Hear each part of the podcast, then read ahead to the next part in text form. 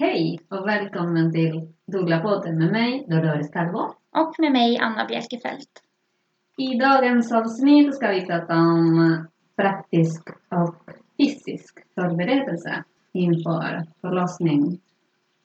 Vi pratade i förra avsnittet om um, mental förberedelse. Och, Precis, det var då jag och eh, Anna babblade. Exakt.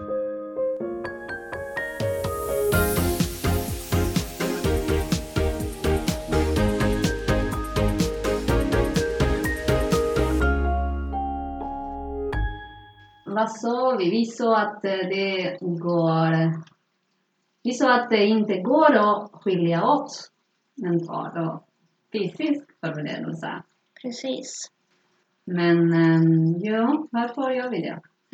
Ja, eh, vi valde att dela upp det lite för att eh, vi tänkte att det skulle bli två avsnitt då för att det inte skulle bli jättelångt. Eh, och eh, då kan man ju mer, om man är mer intresserad av att göra någonting, eh, liksom få tips på aktiviteter eller saker man kan göra själv eller med sin kropp eller så, så kan man välja att lyssna bara på det här avsnittet. Och om man är mer kanske intresserad av det spirituella och det liksom den fys, liksom, ska man säga, mer mentala resan så, Mm. så kan man lyssna bara på det andra. Och Mm. sen eh, kan man lyssna på båda eh, avsnitt som följer på varann för att få liksom en lite mer helhetsbild. Så vi pratade mer om eh, den spirituella resan Mm. förra veckan. Exakt. Och nu ska vi prata mer om vad gör man, eller man, vad man kan göra med kroppen. Precis.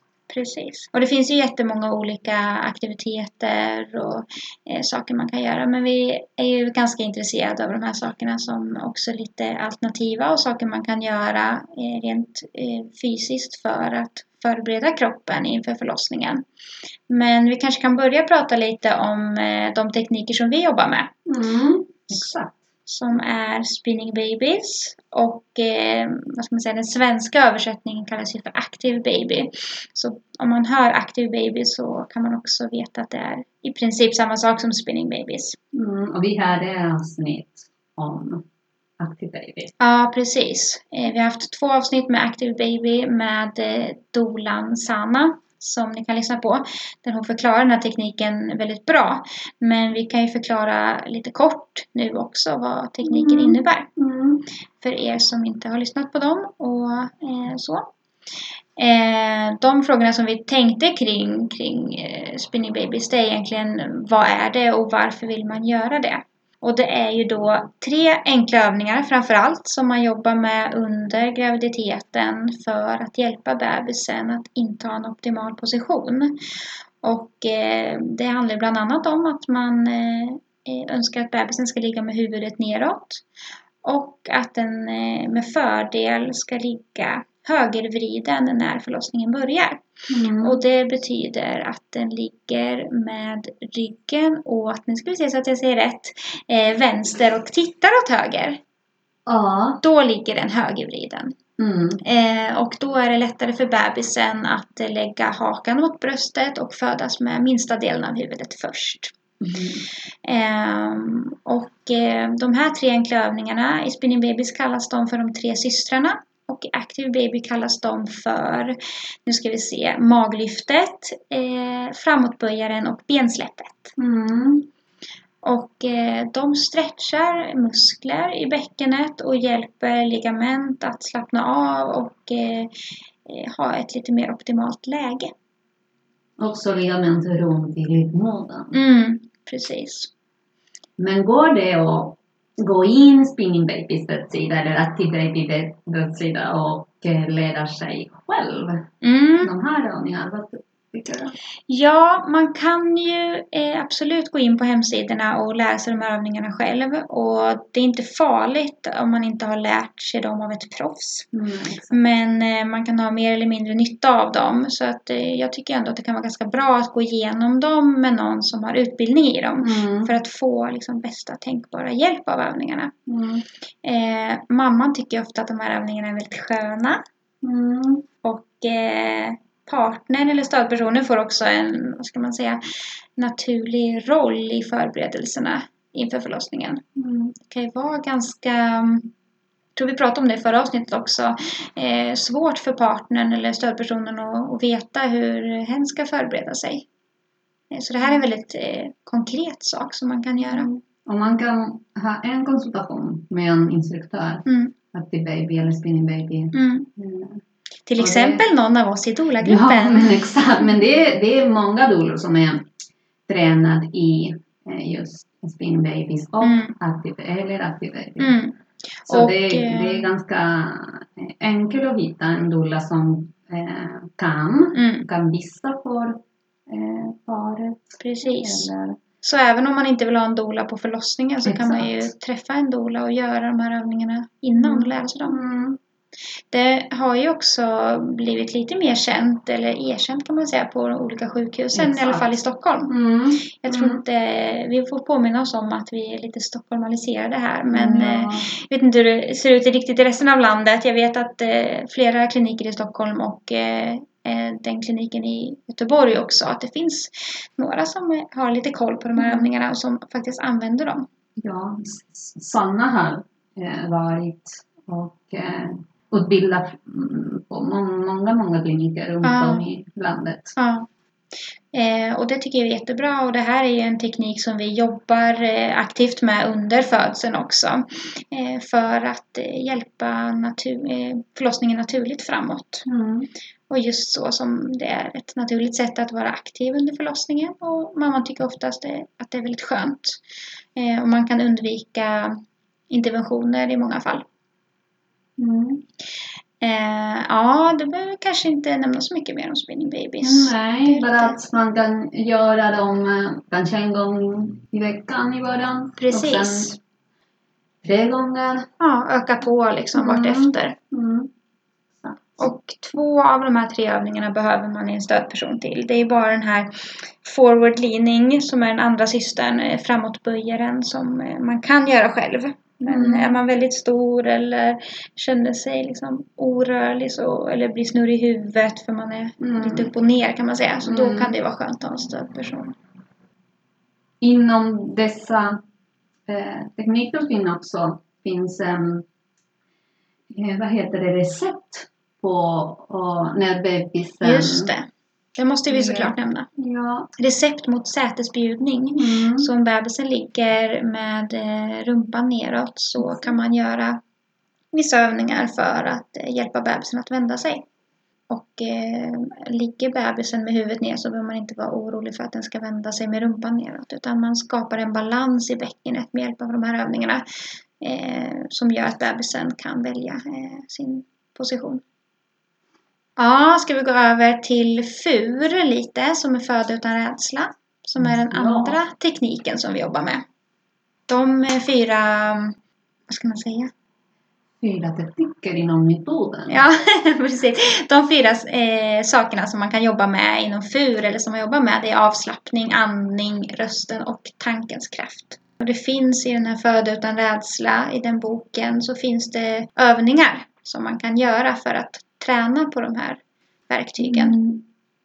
Eh, vi jobbar ju med de här också, går igenom de här på församtal och jobbar aktivt med dem på, på förlossningen. Mm. Och du och Anna pratade en del om eh, tankens kraft förra veckan. Och det är ju mer mental kan man säga. Mm, eh, absolut. Som teknik. Mm. Men man kan göra den liksom i kombination till exempel med Mm. avslappning. Mm. Om man lyssnar på någon meditation eller någon mysig musik eller kanske några affirmationer eller i kombination med hypnobirth som vi också har Mm. pratat om i podden Mm. så kan man arbeta med tankens kraft samtidigt.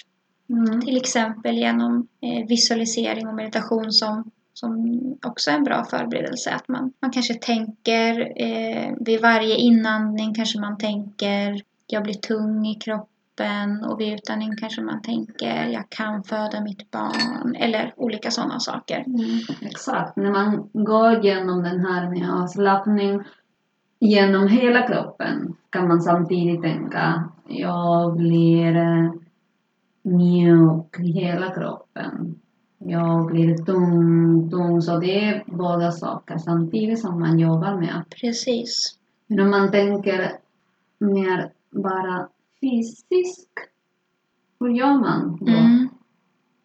För det, det, det är vissa som um, tycker det är jättesvårt att träna den här tankens Mm. kraft, visualisering, det är för flummigt eller Mm. vet inte. Så man kan träna bara med kroppen, den Ja. fysiska delen. Precis. Jag tänker att eh, en övning som jag bland annat gör på gravidyogan eh, det är att man spänner en kroppsdel i taget och verkligen fokuserar på den. Och sen håller man andan och sen när man släpper ut luften långsamt så eh, slappnar man av i den muskeln som man har haft eh, aktiverad. Eh, så går man igenom det genom hela kroppen och sen så spänner man i slutet hela kroppen, alla muskler som man kan hitta, håller andan kanske 10 sekunder och sen en lång, lång, lång, lång utandning samtidigt som man försöker släppa alla muskler långsamt. För det är ju på utandningen som musklerna och kroppen verkligen får slappna av. Så det är bra med en lång utandning. Mm. Man kan känna på riktigt hur det, är, hur det känns när man verkligen slappnar av. Mm. Och verkligen skillnaden mellan en aktiv muskel och en avslappnad muskel. Och man kan göra det som ni, ni eh, nämnde förra veckan med lite is i handen. Precis. Och kolla på skillnad mellan att känna något som är lite obehagligt Mm. och eh, när man är avslappnad. Mm. Andningen är också, vad ska man säga, den är liksom både det, som sagt, det är svårt att särskilja de här, Mm. men eh, det som är eh, inom FUR är att man ska ha en ljudlös andning, en Mm. avslappnad andning. Eh, och det är också någonting som man rent praktiskt kan träna sig på. Jag kan liksom påminna mig själv ibland att okej, har jag andats några lugna andetag idag? Nej, det har jag inte. Och så bara tänker jag några gånger på hur jag andas och så känner jag liksom att det ger en fysisk effekt i kroppen. Mm. Att jag blir också lite mentalt, att jag blir lite lugnare och Mm. lite mindre stressad. Så andningen påverkar ju hela, hela, hela kroppen. Mm. Eh, och har man tränat andningen genom att bara liksom fokusera på den medan man eh, ligger och vilar eller vad det nu kan vara, äter eller duschar eller att man bara ägnar lite tid åt hur andas jag. Då är det lättare att ta till den här lugna andningen när eh, det kommer en värk till exempel.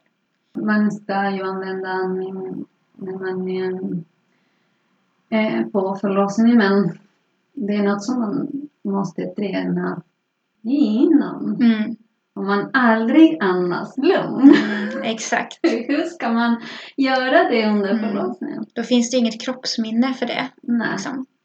Eh, Så det är någonting som man kan ha väldigt nytta av. Och jag använder ju den här andningen i även eh, andra tillfällen. Nu har jag ju bara fött ett barn, men till exempel när jag går till Bara. tandläkaren. Ja men exakt, jag tänkte precis säga det. Bara ett barn.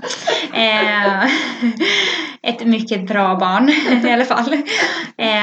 Men till exempel när jag går till tandläkaren, då brukar jag försöka tänka på det här liksom. Att om jag spänner mig nu så kommer det, då märker jag direkt att det gör ondare och att det är obehagligare. Så andas jag lugnt och så försöker jag också använda tankens kraft, att det är tung i kroppen. Eh, och då kan man liksom verkligen fysiskt känna att okej, nu är det mer ont och nu är det mindre ont. Mm. Och att liksom våga vara tung ner i tandläkarstolen. Det är sant, det hjälper verkligen. Min kille har tyvärr förstört det här ordet tung för mig. För när vi ligger och ska sova då brukar han börja så här tung. när han märker att jag inte riktigt kan ligga still. så han har förstört ordet lite för mig. Men eh, det är ett ord som jag använder jättemycket när jag dolar. Jag tycker att det har ofta Mm. väldigt stor effekt. Så då är vi inne lite på att prata om, om rösten.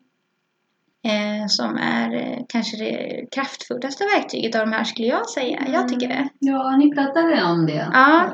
Ja. Mm. Eh, och det är också någonting som man kan öva på rent praktiskt. Att liksom så här, okej, men nu har jag, eh, man har inte kanske mensvärk när man har, är gravid, men man kan ju ha förverkar eller andra liksom smärtor, bäckenbotten eller vad det nu kan vara. Liksom. Att så här, okej, men nu tar jag några eh, djupa andetag och kanske mm, jag andas ut eller vad det nu kan vara. Mm. Det är det som kan vara lite fördel med att ha lite förverkar, lite sammandragningar. Mm. Att man säger okej, men så här kan det kännas. Och Så här kommer det kanske kännas när förlossningen drar igång och sen öka, öka successivt. Mm. Jag har haft flera par som eh, tänkte det var lite dumt att använda rösten nu som träning Mm. innan Mm. förlossningen. Det känns lite konstigt. Mm. att stå så här, "Ugh." ja. Men sen så har kommit jättenaturligt Mm. under förloppet. ja. För, för de flesta av dem. Och speciellt för stödpersonen får partner. Och hjälpa den som föder på det sättet. Mm. Påminna henne och "Uh, låta lite mörk. Mm. Ofta låter man ju när man föder barn men det kan ju vara liksom mer eller mindre fördelaktiga ljud eller vad man ska säga. Mm. Om man gör väldigt ljusa och high pitch så Mm. spänner sig kroppen ofta mer. Ja, någon gång under förloppet händer det. Ja, Att man spänner sig. Ja. Jag låter. exakt. Mm. Och nej och så. Och då kan partner verkligen påminna den födande.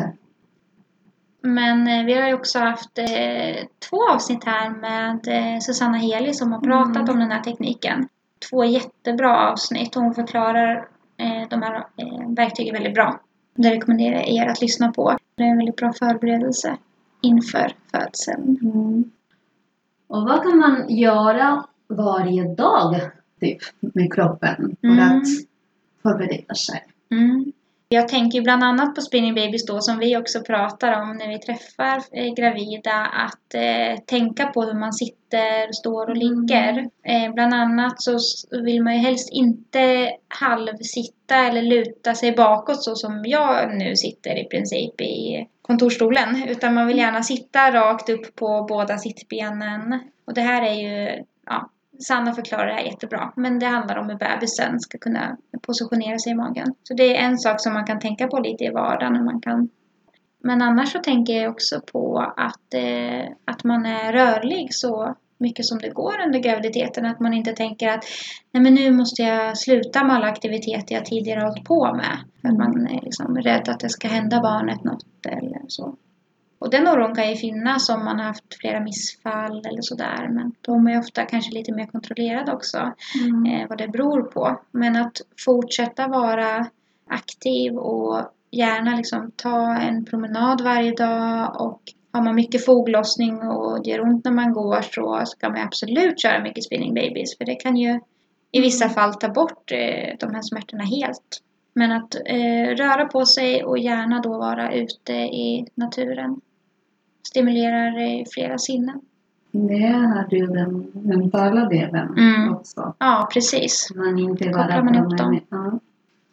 Jo, och inom Spinning Babies pratas mycket om eh, stretching och, eh, och variera de posi- positioner som man är i under dagen. För vi sitter ju mycket och vi kör bil och, eh, och vi tittar på TVn. Mm, exakt. Eh, Variera hur man sitter helt enkelt. Ja.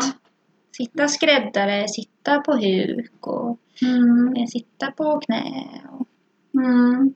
Använd, man kan använda pilatesbål också. mm, Och eh, komma upp och sitta på kuddar så att man är lite Mm. högre med sittbenen i knäna. mm.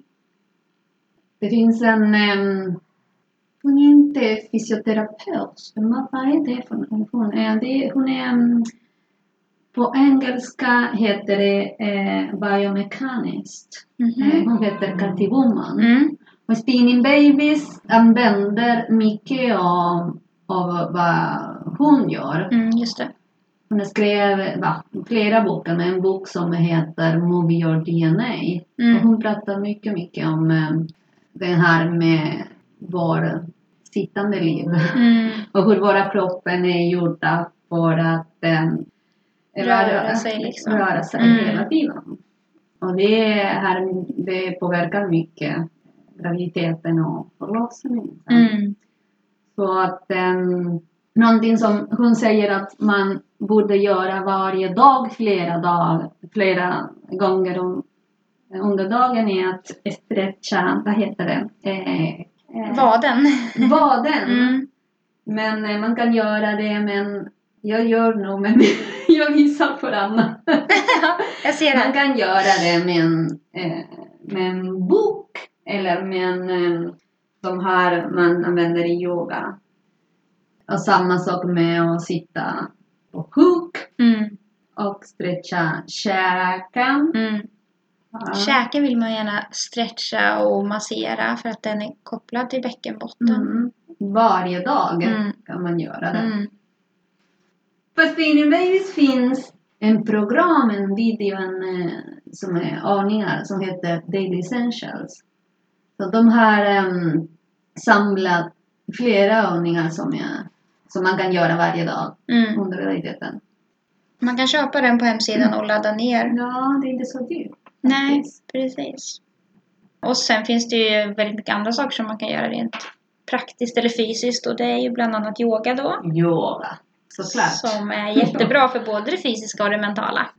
Så bland annat då gravidyoga eller yoga, eh, alltså typ någon typ av avslappnande yoga. Det finns ju lite olika stilar men gravidyoga är ofta väldigt väl anpassad och man kan ofta få lite mer med sig än, än det mentala och det fysiska. Man kan få lite tips och tricks om det är en gravidyogalärare som har lite koll på Ja, gravida en, födande. vi har en Emma Hallin Mm. här i podden. Och hon, hon är yogalärare. Hon pratade om yoga nidra. Precis. Och det är också det här med att man hjälper olika kroppsdelar att Exakt. slappna av.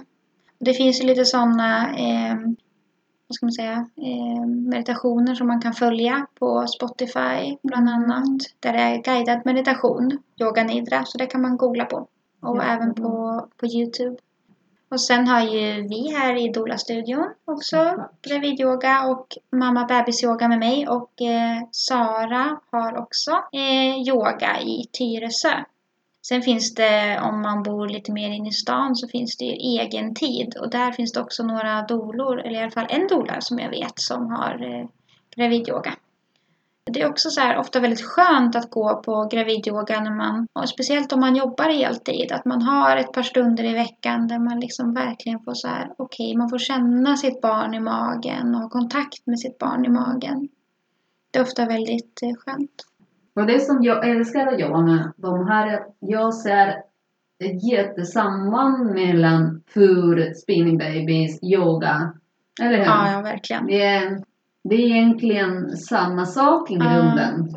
För yogan handlar också om liksom andning och avslappning och Mm. liksom skapa eh, och ta vara på, ska man väl säga, ta vara på de fysiska förutsättningarna som man har. Mm. Eh, förmågan eh, kroppen har att föda.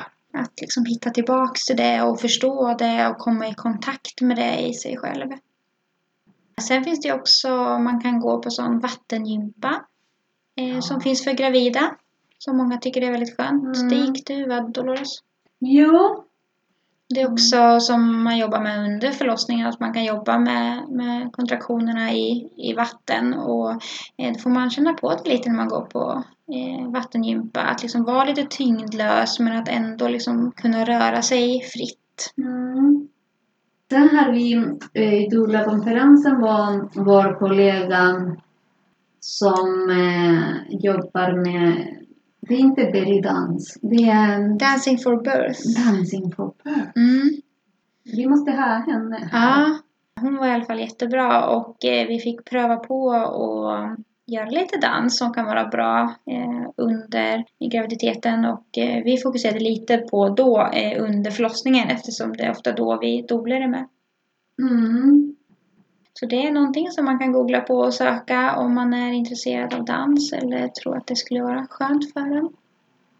Jag tänker lite på att kroppen minns. Om man under Mm. graviditeten använder sig av meditation Mm, eller visualisering så kommer det vara enklare att använda tekniken under förlossningen. mm, Vi pratade när vi gick oxytos, oxytocinkurs. Minns du? mm, Vi pratade om eh, hur man tränar det eh, parasympatiska nervsystemet. precis. som är den som eh, producerar oxytocinet. Mm. Det här fantastiska hormonet. Ja.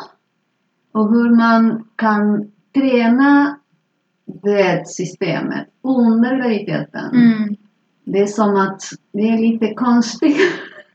det, det är svårt att förklara men det är som att kroppen vänjer sig och producerar oxytocinet. Ja. Exakt. Det vänjer sig vid att producera det och man eh, vad ska man säga, ökar de depåerna för att Ja, fyllas exakt. på med oxytocin.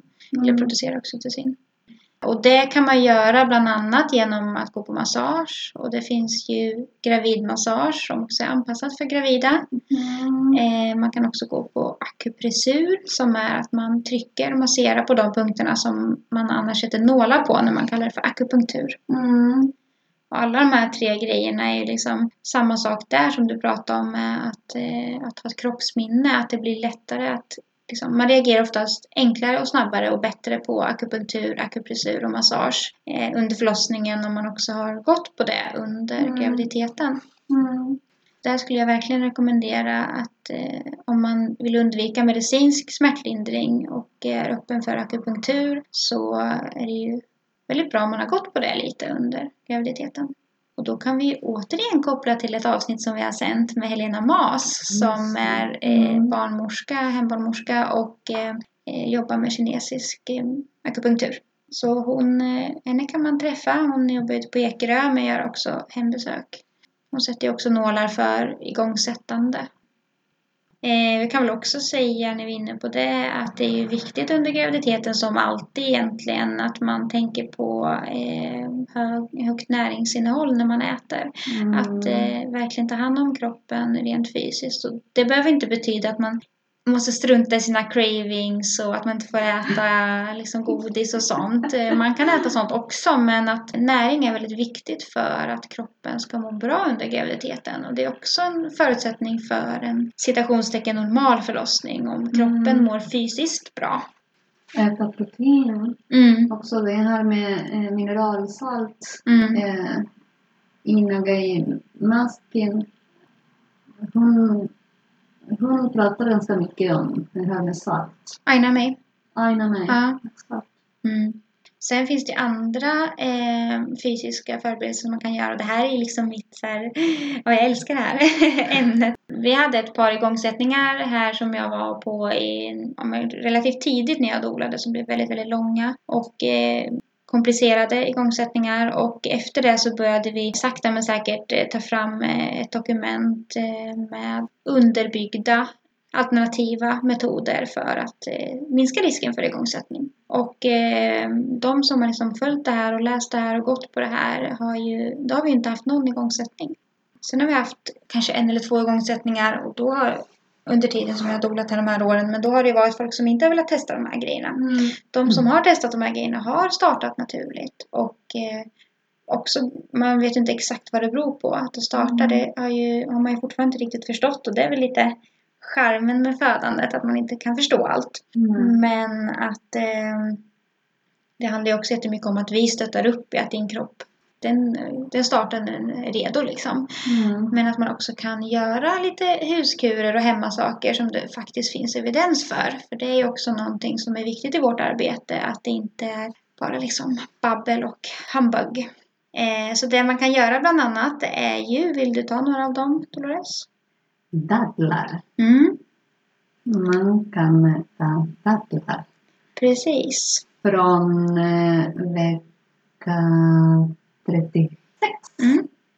Sex dagar om dagen. Precis, det rekommenderas att man äter sex dadlar om dagen. Mm. Eh, och eh, är man inte jätteförtjust i det så finns det väldigt mycket saker man kan göra av dadlar.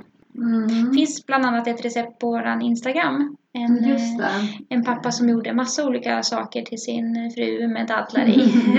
Eh, ett av de recepten ligger, eh, det är en slags kladdkaka.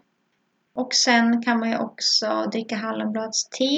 Det finns det väl inte jättemycket evidens för men det har ändå använts väldigt mycket under många år. Så erfarenhet av det är det väldigt många som har. Och det är Mm. för att stärka upp livmodern. Mm. Nässlor också. Mm. Precis, man kan ju ha järnbrist och det kan man ju också fortsätta med att dricka nässelte och hallonbladste efter förlossningen när, när man blöder och när kroppen ska återhämta sig.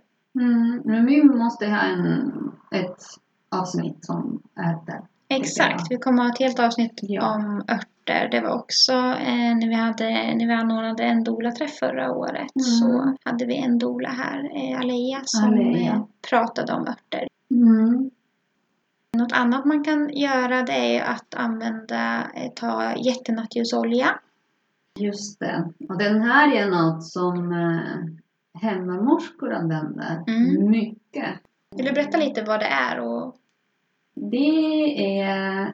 Eh, inte vad det är kanske exakt? det är Svår fråga. Nattrisolja. Det är olja. ja. Som Eh, finns i tablettform. Ja, exakt. Kapsyler. Man, Kapslar som man tar. Ja, man tar det oralt och vaginalt också. Man skapar eh, ju balanser i hormonerna i kroppen. För hormonerna har ju stor inverkan på att förlossningen ska starta. Mm, exakt. Så är det ett, ett sätt att hjälpa kroppen att hitta bra balans. Mm. Som man gör med spinning babies. Det är, det är, det är ingenting eh, superkonstigt, det är bara hjälpa kroppen. Mm.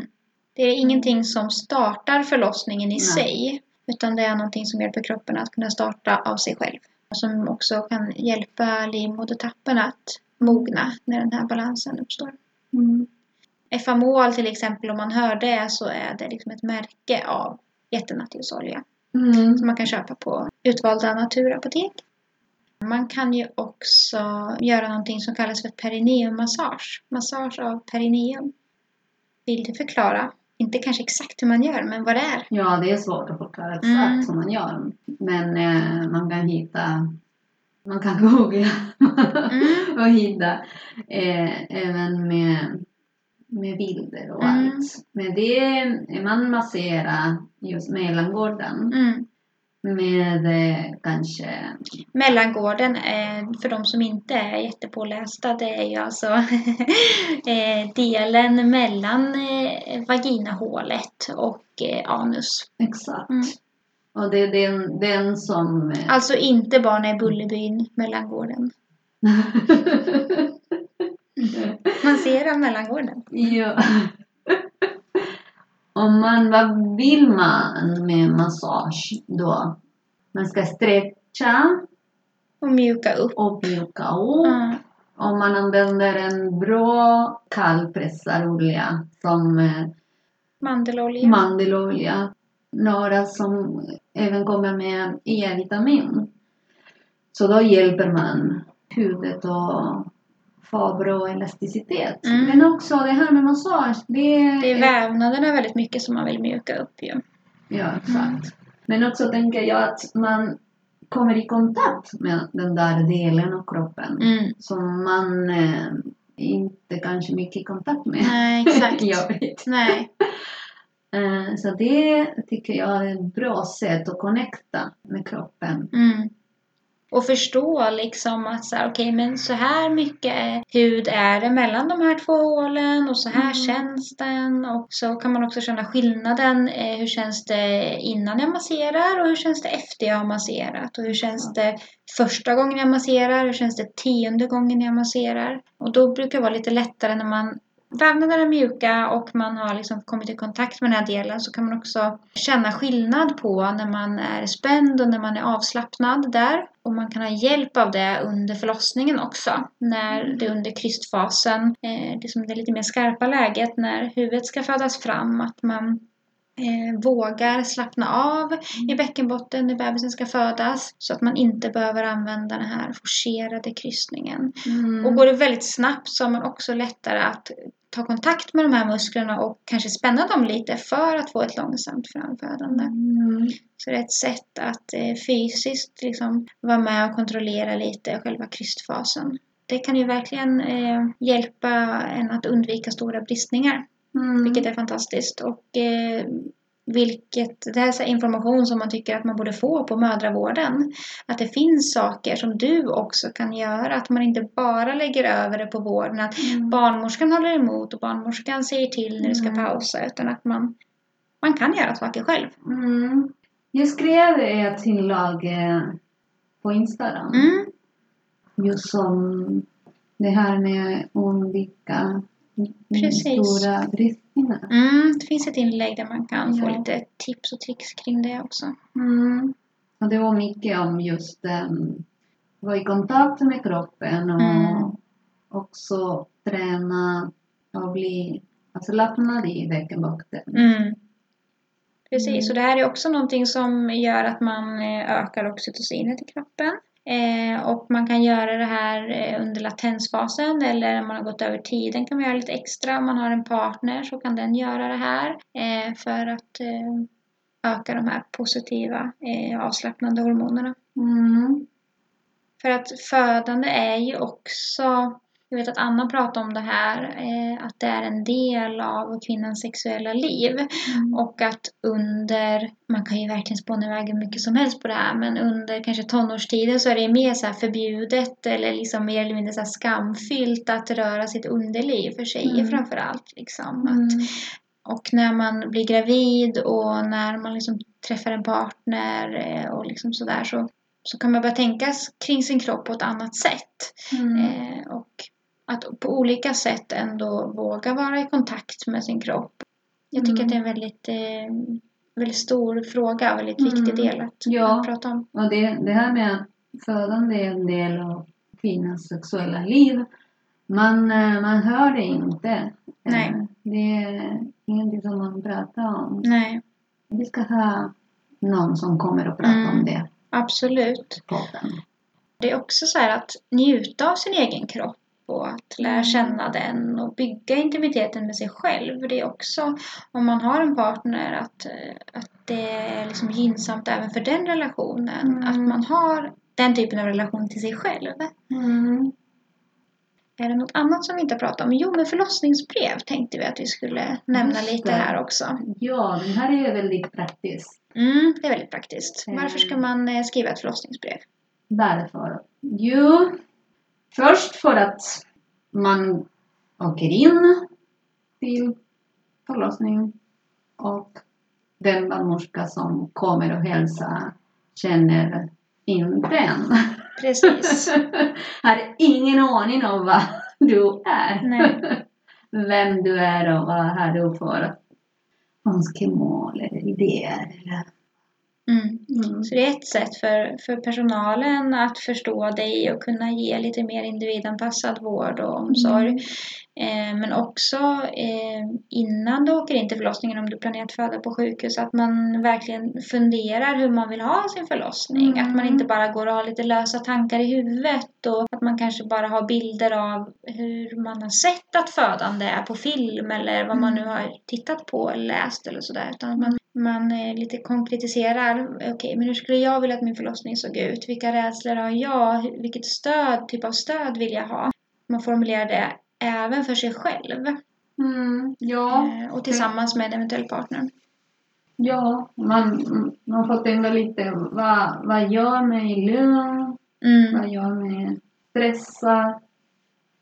Mm. precis, och i det här förlossningsbrevet kan man ju också skriva in väldigt många olika saker. Om man eh, har specifika önskemål eller eh, tankar eller rädslor eller sådär så kan man skriva in det. Om man till exempel vill göra på något annat sätt än, eh, än så som de alltid gör på sjukhus. Till exempel att man också kan ta aktiva val och beslut och att man har lite lättare att framföra dem kanske via ett förlossningsbrev än när man själv är liksom i ett kraftfullt eller eh, aktivt verkarbete.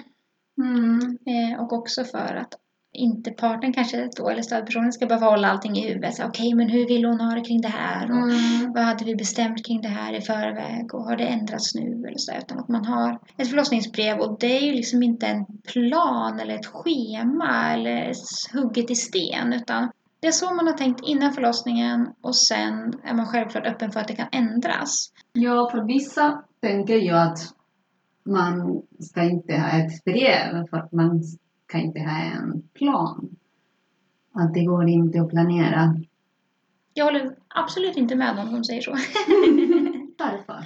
Jag håller inte med för att man kan absolut ha eh, en plan så länge man är öppen för att den också kan ändras. Mm.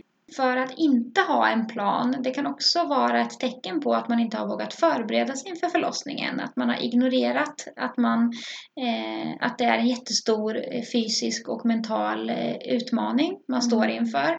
Att man lägger över ansvaret på födandet på personalen.